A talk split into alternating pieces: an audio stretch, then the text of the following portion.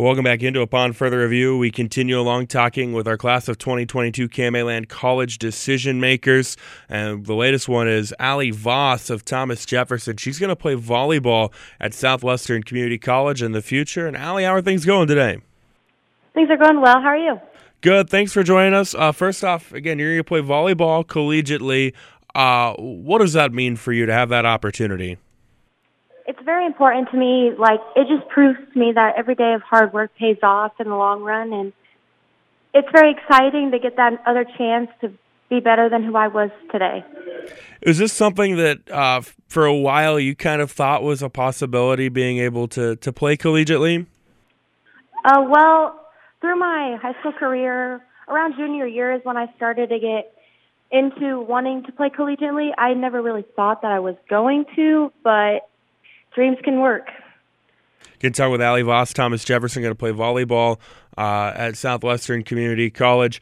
What was maybe kind of the turning point for you where the light clicked on and, and you realized that you did want to take the collegiate step? Um, the summer of junior year, we were working really hard, and I just realized volleyball was a sport that I like truly loved, and it was just it was so fun and so intriguing to understand more about the game of volleyball, and that's when I really decided that I wanted to go for volleyball. Yeah, we'll dive a little bit deeper into the love and the passion you have for volleyball. Uh, what are some things that stand out to you?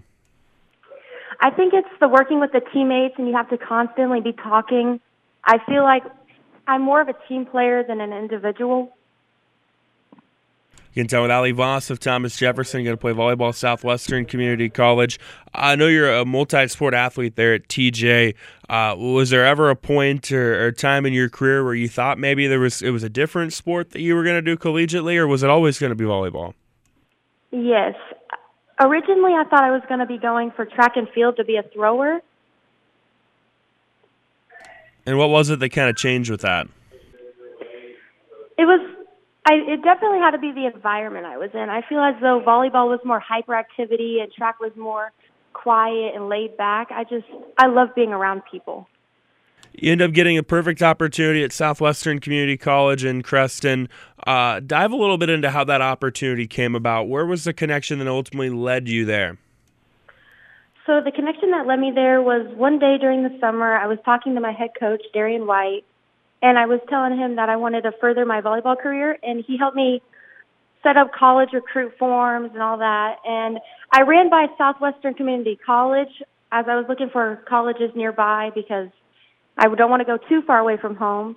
And I ran into Southwestern Community College. I applied for their academic program and I got in. So then I filled out a recruit me form and I reached out to the coach and then she called me one day, and ever since then, it's been my my my well, biggest accomplishment. And that's awesome to hear again. Talk with Ali Voss of Thomas Jefferson. Uh, what were some things within the program that kind of stood out to you? Uh, well, it's close to home. It's a small town, so I would understand like the teachers, and they would be accepting with me being gone.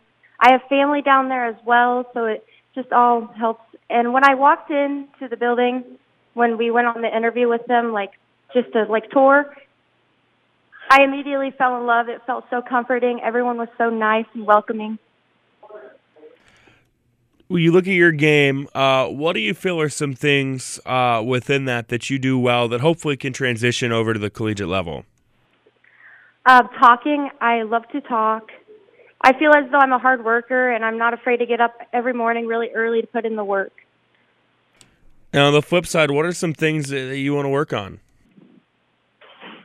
Probably taking care of my body a little bit better. There's been times where I play on hurt ankles, and I feel like I feel like if I were to just have better health of my body, that would be way better.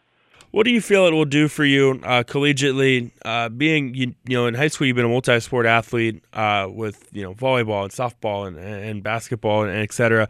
You know now just being able to focus on one sport collegiately. Do you feel that'll benefit you in some ways? Yes, I feel like putting all my time in one sport is way easier than putting it in four sports.